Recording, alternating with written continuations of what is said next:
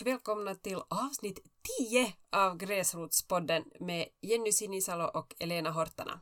Det här blir ett speciellt avsnitt eftersom vi har gjort en intervju i det här avsnittet. Och vi har faktiskt fått ta del av en berättelse för inifrån klädindustrin så att säga. Så vi ska ta och lyssna på det. Och vi kommer att göra som så att vi har delat upp det här avsnittet lite så att vi kommer att kommentera. Vi lyssnar lite och så kommenterar vi de saker som vi har hört det vartefter. Nu går vi över till att lyssna på intervjun. Välkommen med i Gräsrotspodden Mahmoud. Tack, tack så mycket. Ja, jätteroligt att du vill vara med i vår podd och du är ju faktiskt vår första gäst också. Oh yeah. Ja. Vill du berätta kort om vem du är och varifrån du kommer? Ah, Alltså, ja, jag är Mahmoud. Jag kommer från Syrien, har varit i Finland about sex år. Och ja, vad annat ska jag berätta om mig själv? Och Du är ganska duktig på språk vet jag. Ja, ja jag, jag kan flera språk. Kan kurdiska som modersmål, eller typ i princip både kurdiska och arabiska som modersmål. Och sen engelska, finska, svenska. Ja. Sen jag kan nog ganska bra turkiska och sen persiska. Jag kan nog, jag faktiskt, jag lär mig persiska just nu. Okej. Lära Men, men ändå ganska skickligt att du har bott ändå bara sex år i Finland Mhm. och du kan redan finska och du Mm. kan svenska och du har just blivit student och Ah. färdig idrottsledare. Ganska fantastiskt faktiskt. Ja, Mm. tack. Ja, det kom fram att hur länge du har bott i Finland, men i vilka andra länder har du bott? Till 13-åring jag var i Syrien. Så därifrån, jag, jag skulle säga jag flyttade från Syrien bort, alltså bort från Syrien till Turkiet. Och jag bodde där för ett år ungefär. Eller 14 till 16 nästan jag var till Grekland. Så jag, jag kom till Finland och jag fyllde just 16. Jag var jag- 2000, 2017, alltså i mars någon gång. Ja. Säkert 22 Ja. mars. Jag kom Så till då Finland. kom du, då Så kom ja, du ja. till Finland. Ja, jag Du kom till Österbotten då? Ja, direkt. Jag var nog i Helsingfors för några dagar sedan. Därifrån Mm. hit, direkt till Oravaisva. Just det, okej. Men, Och du har ju berättat för mig att du har jobbat inom klädindustrin. Ja. När var det här? ja, det var då jag var 13 i, Turkiet. Just det. Så, Så under ett års tid ungefär? Eller? ja, ja. Jag skulle säga det var, det var nog mer exakt typ 10 månader, lite mer. Det var nog lite, Ja. lite mindre än ett år. Så uh, hur kom det sig att du började jobba där? Mina bröder hade flyttat från, bort från Turki, äh, Syrien. Ja. Så mina bröder var i Turkiet redan och jobbade. Mm. Och sen flyttade vi hela familjen från Syrien till Turkiet. Just det. Så de hade ett jobbplats redan där och de jobbade ju som... Alltså Just det är en klädfabrik men där enda vi gjorde så he, he var inte vi som Sydde. Så som sydde kläderna var, utan kläderna kom färdig så i princip vi packade dem. Ja, vi Okej. gjorde det slutjobbet. Just det. Så- Va, vet du varifrån de kom de här Äh, kläderna? nej faktiskt inte. Så ni visste inte så mycket om att varifrån kläderna vi kom? var inte så intresserade faktiskt. Det var inte att, att det var inte säkert någon... eh, Hemlighet. He- Det var inte någon hemlighet säkert, men liksom jag var där för att få pengar. Jag Ja. brydde mig inte. Jag brydde mig inte om någonting annat. Ja. Hur, Vilken ålder var dina bröder när de jobbade där? Det var nog äldre, alltså jag, jag är så dålig på ålder och Mm. komma ihåg si- siffror. Men jag skulle säga, jag skulle våga säga, kanske det var 19-20, 19-20 eller 20-21. Men du, du sa att du var 13 år när du började jobba, jobba där. Det kan vara mindre, men jag, jag, jag skulle säga 13. Eh, Ja, vi kör på 13. Vi kör på Nå, hur, hur levde din familj annars? Jobbade dina föräldrar med någonting eller, eller var det ni, eh, ni barn som jobbade? Det var nog eh, vi tre bröder och sen min ma- mammin. För min pappa är sjuk, eller var sjuk då, eller han är nog fortfarande sjuk, han har alltid problem med sin rygg. Han, kan, han får inte alls bära någonting tungt, han får inte alls stå så länge liksom. Hur bodde ni då? Hur bodde vi? Alltså vi, var, vi, hyr, vi, vi hade hyrat en lägenhet och i början faktiskt var det, vi var två familjer i samma, i samma lägenhet. Så var det säkert två rum. Men alltså det var bara för en stund och de for bort liksom. Ja. Vi kom dit i princip, alltså jag och mamma och pappa vi kom till i princip en färdig jobbplats. Eller vi kom dit och vi hade i princip jobb och lägenhet och sådär. Så jag, jag säger nog mina bröder, då, då de for till Turkiet, de faktiskt känner ingen. Nej, Eller vi hade lite kontakter med vissa folk, för det är liksom massa kunder som var där och vi hade lite liksom släkt, eller inte in, in nära släkt utan vi känner någon som känner någon som känner någon. Precis, det- lite bekanta. Lite bekanta eller ja. Då de for dit, de hade faktiskt i princip ingen aning vad de ska göra där, vad ska, var ska de bo där och sådär. Och jag, jag, jag kommer ihåg, ni, äh, de har nog berättat åt oss att liksom, jag har haft lite problem med lägenhet och vissa folk och sådär i början. Då vi, då vi for dit, då vi, det var nog mycket bättre. Så Jag kan säga att liksom i Turkiet, mitt liv eller vårt liv, jobb och allting, det var inte så paha. Det var inte så dåligt faktiskt. Jag är säker och jag känner till många, många folk som hade mycket, mycket sämre, mycket sämre omständigheter. Kommer du ihåg vad du fick i lön? Typ jag var 700 någonting eh, turkiska lira så mm. kallas det så. Så, så 700, 750 turkiska lira about. Se, så han blivit säkert 800, 800 någonting. I månaden? I månaden. Och så hur ska jag förklara här att liksom man jämför, för då faktiskt det var billigt liksom där att bo i Turkiet. Just nu är allting är mycket dyrare som Ja. i alla länder men där är speciellt det är nog ganska dyrt att bo där just nu. Så man fick då 3000 eller 4000 turkiska lira då tiden i liksom Ja. 20 eller någonting. Så då det var, det skulle ha räckt. Så 700 är typ en fjärdedel. Ja, av det som... ja, som man behöver för en person, för oss hela familjen att bo. Så det Precis. var inte så paha lön heller så jag säger. Tänker du att det var mera som lite extra knäck för din familj när du jobbade?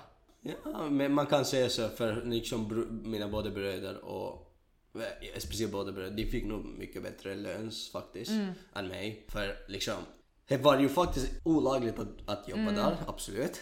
Men alltså, och de brydde sig ju. sig. Alltså jag var enda faktiskt, eh, det är firman var vi jobbade. Så Ja. jag var enda som var 13. Precis. Så jag kan säga, eh, för jag vet, jag vet nog andra firmor som, som hade många liksom, Underåriga. underåriga men jag, där jag var enda som var 13. Ja. Så i princip så var nog ändå ganska bra. Det fanns kanske en 17 eller flera Ja. 17, 17, 18 så jag var liksom på Ja. gränsen så. När är man underårig i Turkiet? Det är nog säkert 18, jag faktiskt vet inte men jag skulle Ja. säga det är 18. Men liksom, ja men det är inte så, är inte så noga som här, jag skulle Mm. Nej, säga. precis. Så lite som så i jämförelse så i Finland så ja, du, får, du måste ju ha samtycke av vårdnadshavare för att liksom Mm. få anställa en 14-årig Mhm. eller en yngre person. Du får ju nog jobba. Men att, att det är med vårdnadshavarens samtycke. Mhm. Och, eller man får bara le, utföra lätta arbeten och högst halva Mhm. semestertiden. Och alltså då syftar vi ju på sommarlov. Ja, ja. Arbetet får inte skada den unga personens hälsa eller utveckling eller försvåra skolgången. Och så får man jobba som 14-åring högst 7 timmar per arbetsdag, 35 timmar per vecka Ah, yeah. och inte övertid eller nattjobb. Och man får först som 15-åring själv ingå ett arbetsavtal och då får man jobba 8 timmar per arbetsdag eller 40 timmar i veckan och då inte heller jobba med sådana arbeten som klassas som farliga eller skadliga. Jag, jag faktiskt vet ganska bra också om de här saker som du Ja. sa. Men så till lyssnarna, Ja, så ni får, eller speciellt om det är unga eller föräldrar, ni får faktiskt vara glada för det ni har här. Och mina arbetstider. ja. Och ni får faktiskt verkligen vara nöjda med det ni har här. Uppskatta det. Ja, verkligen. Ja. Jag tänker på att hur, hur länge jobbar du sådär under en dag? Du, alltså jag vet inte om du kommer tro. Det var från sju, På morgonen? ja på morgonen till tio. Seriöst. Eller sju till sju var ibland, men sen ganska ofta sju till tio. vi jobbade. Precis, Ja. så du var i princip på jobb hela dagen. Hela dagen. Väntas nu, jag räknar så snabbt så... Nå, sen hem och sova. 12, 14, 15, dag, 15 timmar. Och, och jag funderar bara att vad tyckte dina föräldrar om det här? Nej, men Hade de någonting att säga? nej, absolut, men då det var måste. Liksom vi behöver ju. Vi, Ja. vi, vi kunde inte överleva utan det. Jag sa vi hade bra men liksom för vi hade bra för vi jobbade men om man, vi skulle inte ha jobbat så vi skulle inte jobba. Då skulle situationen Ja, ha varit en absolut. annan. Precis. Så ni hjälpte, hjälptes åt att, att överleva helt enkelt? Ja. Mm, alltså, jag, jag, alltså jag, kom, jag är inte färdig. så det var 15, 15 timmar. Det står på till och med det, vårt avtal att det är 7 till 7. Men ganska ofta här finns det övertid. övertid. Och här är 7 till 10. Och de frågar faktiskt liksom att om man vill, men oftast vi vill. Jag kommer inte ihåg att det var packo att jobba någon gång, men det var vi som ville mer än det. Så det är 7 till 7. Men ganska ofta också, så på fredagar, för fredag var torsdag, för fredag för dem är en hel, helgdag. Jaha, För precis. helgen är äh, fredag, lördag. Söndag är första dagen av veckan i Turkiet och islamiska länder. Så på torsdagar, men min, min, jag och min andra brorsa, alltså vi jobbar oftast på torsdagar en, en 20, 24 timmar. Okej. Så, så då är här, på torsdag vaknar vi klockan 24 till jobbet, Ja. kommer tillbaka på fredag, äh, nej, mellan 24 timmar, kommer tillbaka på fredag till klockan 12. Okej, så, Så på det förmiddagen. det mera- ja. I princip man skulle kunna jobba bara en torsdag och Mm. sen kommer fredag jobba en halv dag. Vi gjorde så. Ja, så, Så ni man får mera pengar. Precis. Ja, ganska hårt för en 13-åring att Ja jobba. men alltså inte då. Jag Nej. fattar inte. Jag, jag förstår inte mig själv. Jag kunde jobba som en, ja jag säger det här ordet, vi säger i vårt språk, jobba som åsna alltså, eller jobba Aha. så hårt som, liksom ja. man tänker inte, man, man är inte hungrig, man är inte törstig, man behöver inte fara till WC, man bara jobbar, jobbar, jobbar Ja, hårt och vi, brukar säga, vi brukar säga att man jobbar som ett djur. Ja, ja, ja, alltså jobba som ett djur. Vi säger Mm. jobba som ett djur eller. Så. Precis. Jag tänker sådär att, att om din arbetsdag var sådär lång, höll ni några pauser eller hörde det till att man Alltså hade... vi hade nog faktiskt pauser. Och vad jag kommer ihåg, alltså klockan sju vi började. Det, vi hade ganska många pauser faktiskt. Klockan tio skulle vara någon tepaus. Ja. Så man dricker te där ganska ofta. Och sen oftast de tar någonting, så någon snacks att äta med. Eller någon, det kallar. Alltså någon bull, bullar. Ja, Ja, man, precis. man äter dem.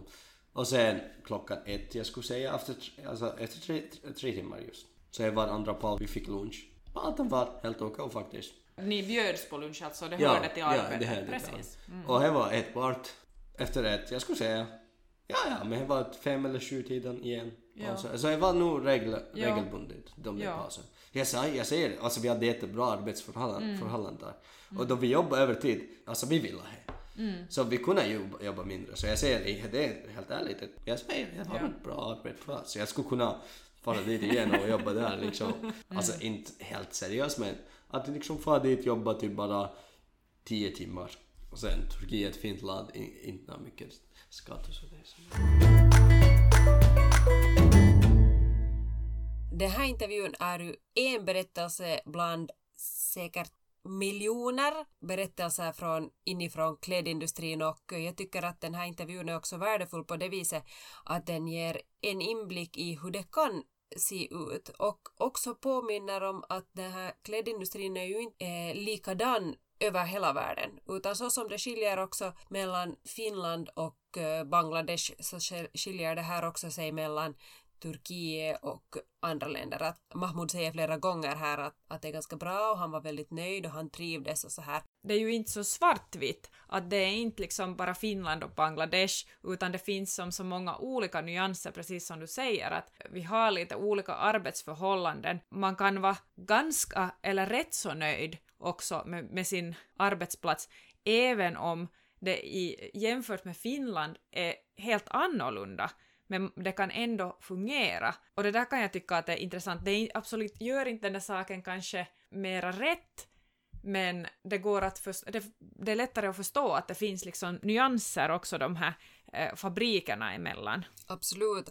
Och eh, sen tycker jag att de flesta diskussioner kring klädindustrin kommer utifrån. Att man synar industrin utifrån, från till exempel en västvärlds syn och pekar eller menar eller berättar om hur det är, hur människor har det där. Jag tycker att vi, det är fräscht och det är intressant att höra berättelser också av någon som har upplevt det och har liksom kanske den där kulturella sidan också och jämfört med till exempel andra arbetssätt och andra arbetsmiljöer där att, att jag tycker att det är väldigt värdefullt att för oss att få lite lyfta på locket och se att vad är det, vi diskuterar den här industrin så väldigt mycket och jag tycker att det är jättefint att, att vi får ta del av det på det här viset. Jo, absolut.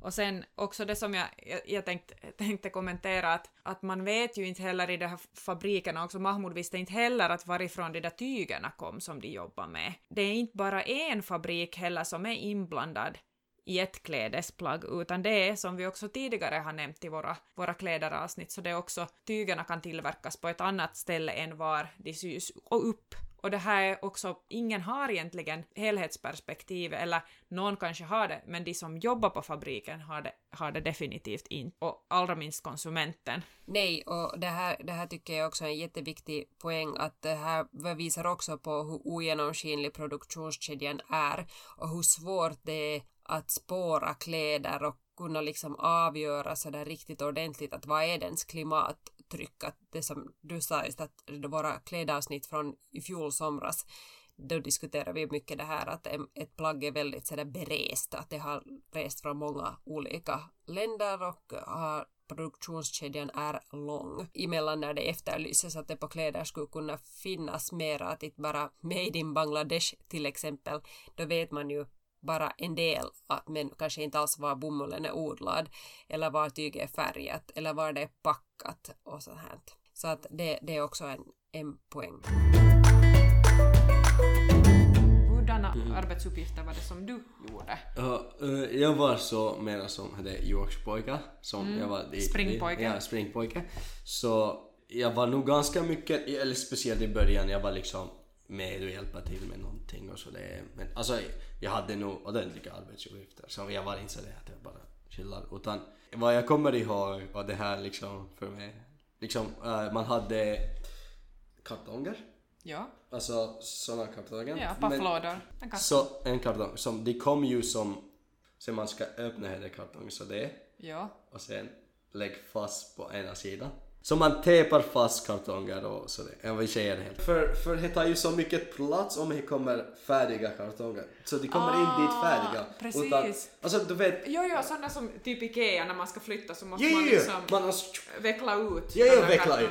Veckla ja, ut ja, ja, det var rätt ord säkert. Eller du vet om, om man ska slänga en kartong till mm. så tar så mycket plats som man gör.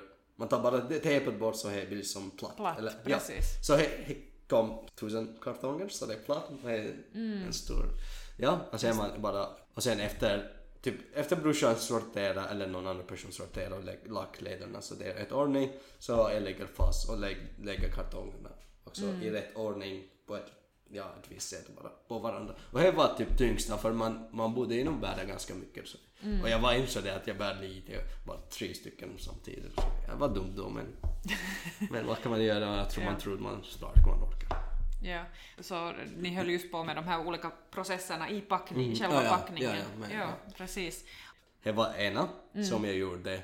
Så Anna, andra också, ibland, alltså vi vikar kläder och mm. någon smått annat. Och, men ena också i slutet, eller slutet fyra, fem månader. Ja. Så jag jobbar på en sån maskin var vissa kläder då de kom som till exempel en kjol eller andra kläder såna som är långa eller långa t-tröjor och sånt. Mm. Eller finare kläder om vi säger. Så man packar dem skilt. Alltså varje ena eller ibland man kunna lägga typ fem stycken samtidigt. Mm. Så man det var en maskin, jag visar med händerna, helt lättare ja. att förklara mm. ljud. Men alltså, alltså man skulle packa det kläd mm. i en påse. Ja. Så, och det gick till att kläd, klädbygeln, mm. så det är oftast i, eller det är alltid i det redan. Mm. Och sen man lägger det klädbygel i någon maskin, så man drar en påse som, som är öppet och så man drar en påse ner och sen här någon maskin, alltså här är maskinen, så man kan dra någonting och sen, för det här, här en påse, två, eller ja. öppet påse, så man lägger det påsen fast. Precis, ja. Så, och det var farligaste vad jag gjort med, för, mm. för det luktar hela tiden. Det, för det bränner ju. Det är påse för att få fast, för det måste vara tillräckligt varmt och det, ja. Mm. Så varje gång man tryckte det så det kommer det lukten. Mm. Det luktar man andas in, man andas in. Det var farligast. Och nu säkert någon gång man skulle kunna få säkert någon elektrisk eller man skulle kunna... Ja, någon el, kanske någon... Det skulle kunna gå dåligt. Det var varmt nu. Säkert någon gång jag bränt mig på fingrarna. Men det mm. var enda som var farligast. Men du fick inte några liksom allergier eller något Ja men alltså hej, hej ju hej. Alltså jag fick faktiskt. För, för jag, jag, hade, jag hade så svårt att andas i slutet av...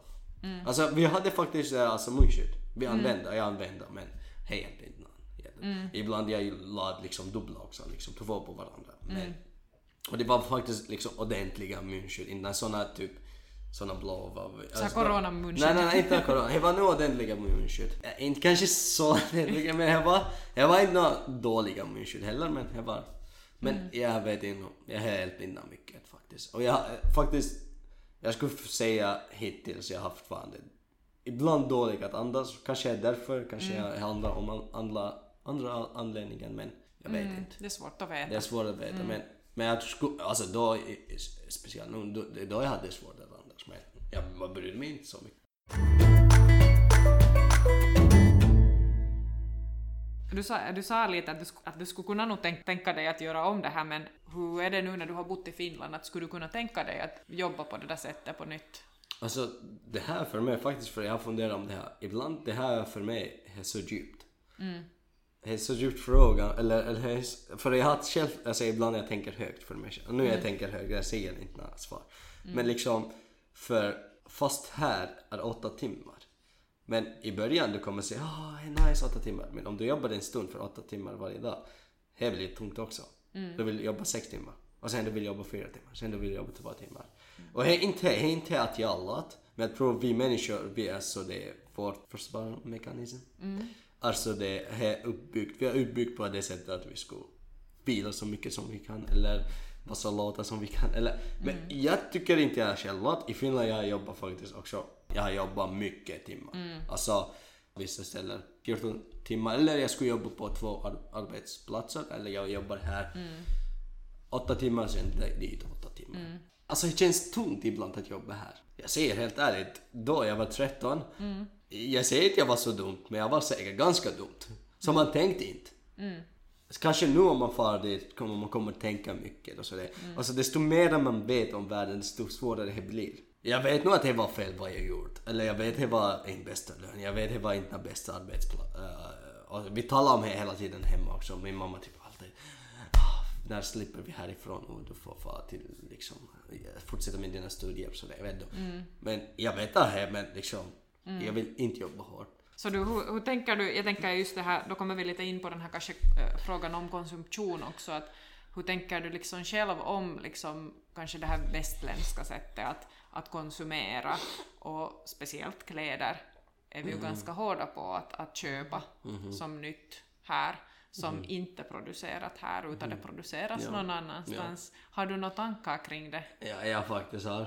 Och alltså, just nu, jag också, så det är en av society som är lat, som bryr sig, så mycket. Men nu ändå bryr mig. Men efter, direkt efter jag kom till Finland så då jag var liksom så bara, ah, nej jag kommer aldrig köpa något från butikerna. Jag, jag har inte så bra koll Snabb, med från snabbkedjor? så snabbkedjor, okej Ja. vi säger så. Snabb fashion, fast fashion. Så jag faktiskt undviker att köpa såna kläder och till och med försöka säga, liksom äh, sprida det. Att med, med folk liksom, kom igen, tänk igen. Liksom de far till New York och köper en, en tröja för 10 euro men sen de använder det för två dagar och då, alltså det blir är oanvändbart sen. Det var någonting på Yle Arena om kläder.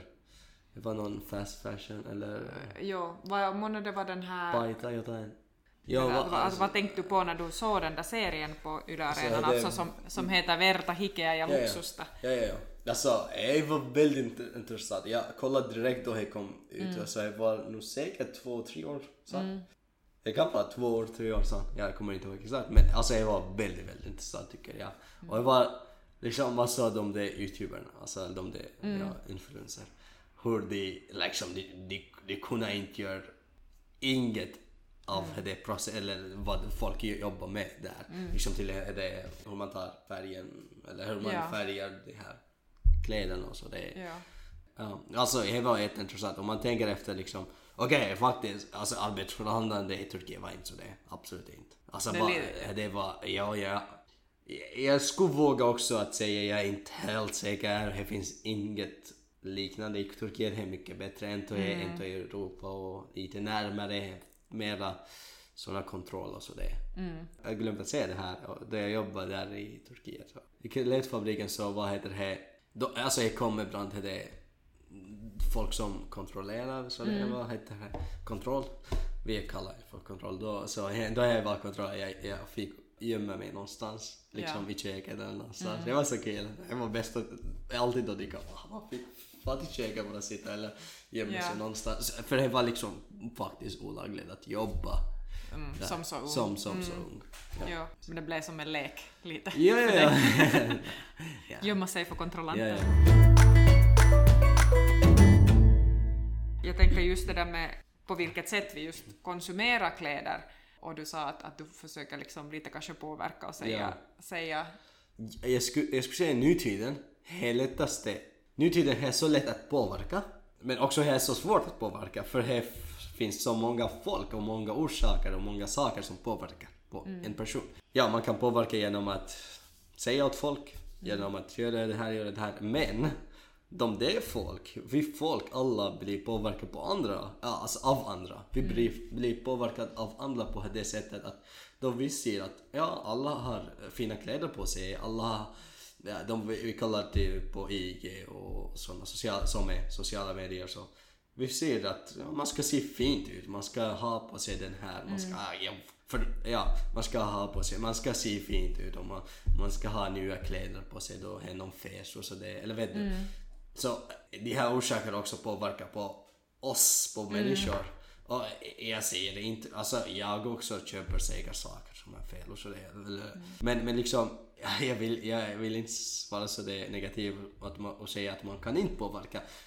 Utan jag kan bara säga att det är så svårt.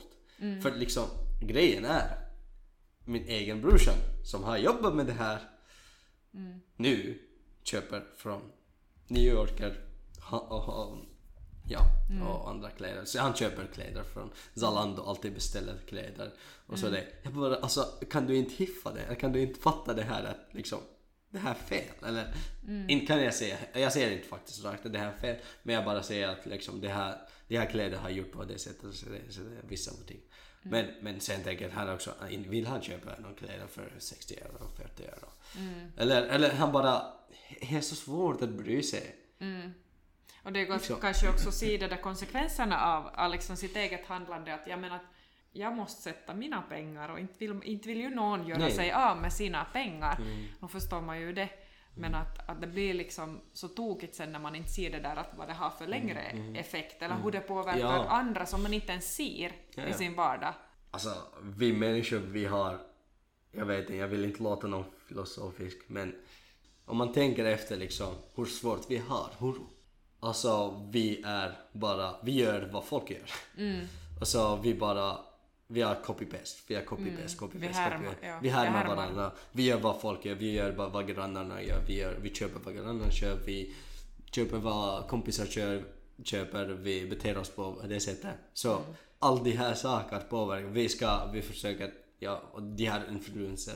Det finns bra influenser. Mm. Det finns, men det finns också så många dåliga influenser som Mm. påverkar på oss. Så negativt. Det är så svårt att, att, att försöka att göra en ändring. Att Mm. försöka att, att verkligen tro, okej jag är en person om jag äter vegetariskt, om jag köper in såna kläder.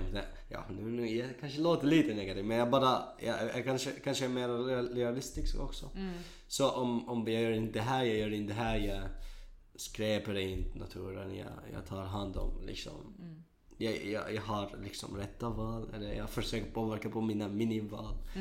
Det känns som, ah, alltså jag är en person i det här åtta miljarder personer. Ja, exakt. Vad har det för skillnad om Ja. jag gör, om jag, jag Ja, gör liksom ja, saker ja. så, eller så rätt, nu gör jag såna här öron men så, så rätt jag kan när alla Ja. andra fortsätter och, och, och, och slösa liksom på, på naturens resurser. Ja, men. Jag funderar, du, du har ju nog gett här redan såna hälsningar och bra tips, men har du någon sån speciell hälsning eller några bra tips till Gräsrotspoddens lyssnare? nej. Nu har du, nu har du möjligheten, Har jag möjlighet? Mahmoud, att Nej, men påverka jag, jag världen. Säga, ja, ja, för mig jag kan... Alltså det finns inte nå- en sak som man kan säga till någon person. Eller Mm. andra. Det finns inte rätt och fel. Det finns inte Alltså ja, världen är inte vit och svart eller svart och Mm. vit. du. Det finns inte så, så. Men så länge så din egen samvete mår bra, du får göra det du vill. Du får göra absolut det, allt du vill. Det betyder inte heller att liksom, du gör Mm. du skadar någon. Alltså det. Jag tänker, det här teorin ni har hört, men jag skulle säga det här enda som jag vill säga. om jag påverkar på två personers liv, alltså ändrar deras livsstil på, till ett hållbart sätt och sen de påverkar vidare på två personer. Så jag har redan påverkat på sex personer. Ja, och sen, sen de här sex personer, eller de här fyra påverkar på två till så blir åtta och vidare. Eller om du ändrar din hela familjens, familjens livsstil. Så jag vet inte, kanske ni har tre, fyra i familjen. Och sen deras barnbarn. Och just nu, man kan, man kan verkligen påverka på många sätt. Och man kan sprida information på många sätt. Ja, men det var bra sagt. Är Ja, Ja. det var bra sagt. Så att det har en effekt om man kan få någon annan att, att eller inspirera någon annan så kan man påverka. Var jättebra sagt. Men har du tack Mahmoud för att du ville vara med i Gräsrotspodden som vår första gäst. Oh yeah! Nej, men, tack så mycket för och tack att jag fick vara med och tack så mycket för lyssnarna också. Yes, bra.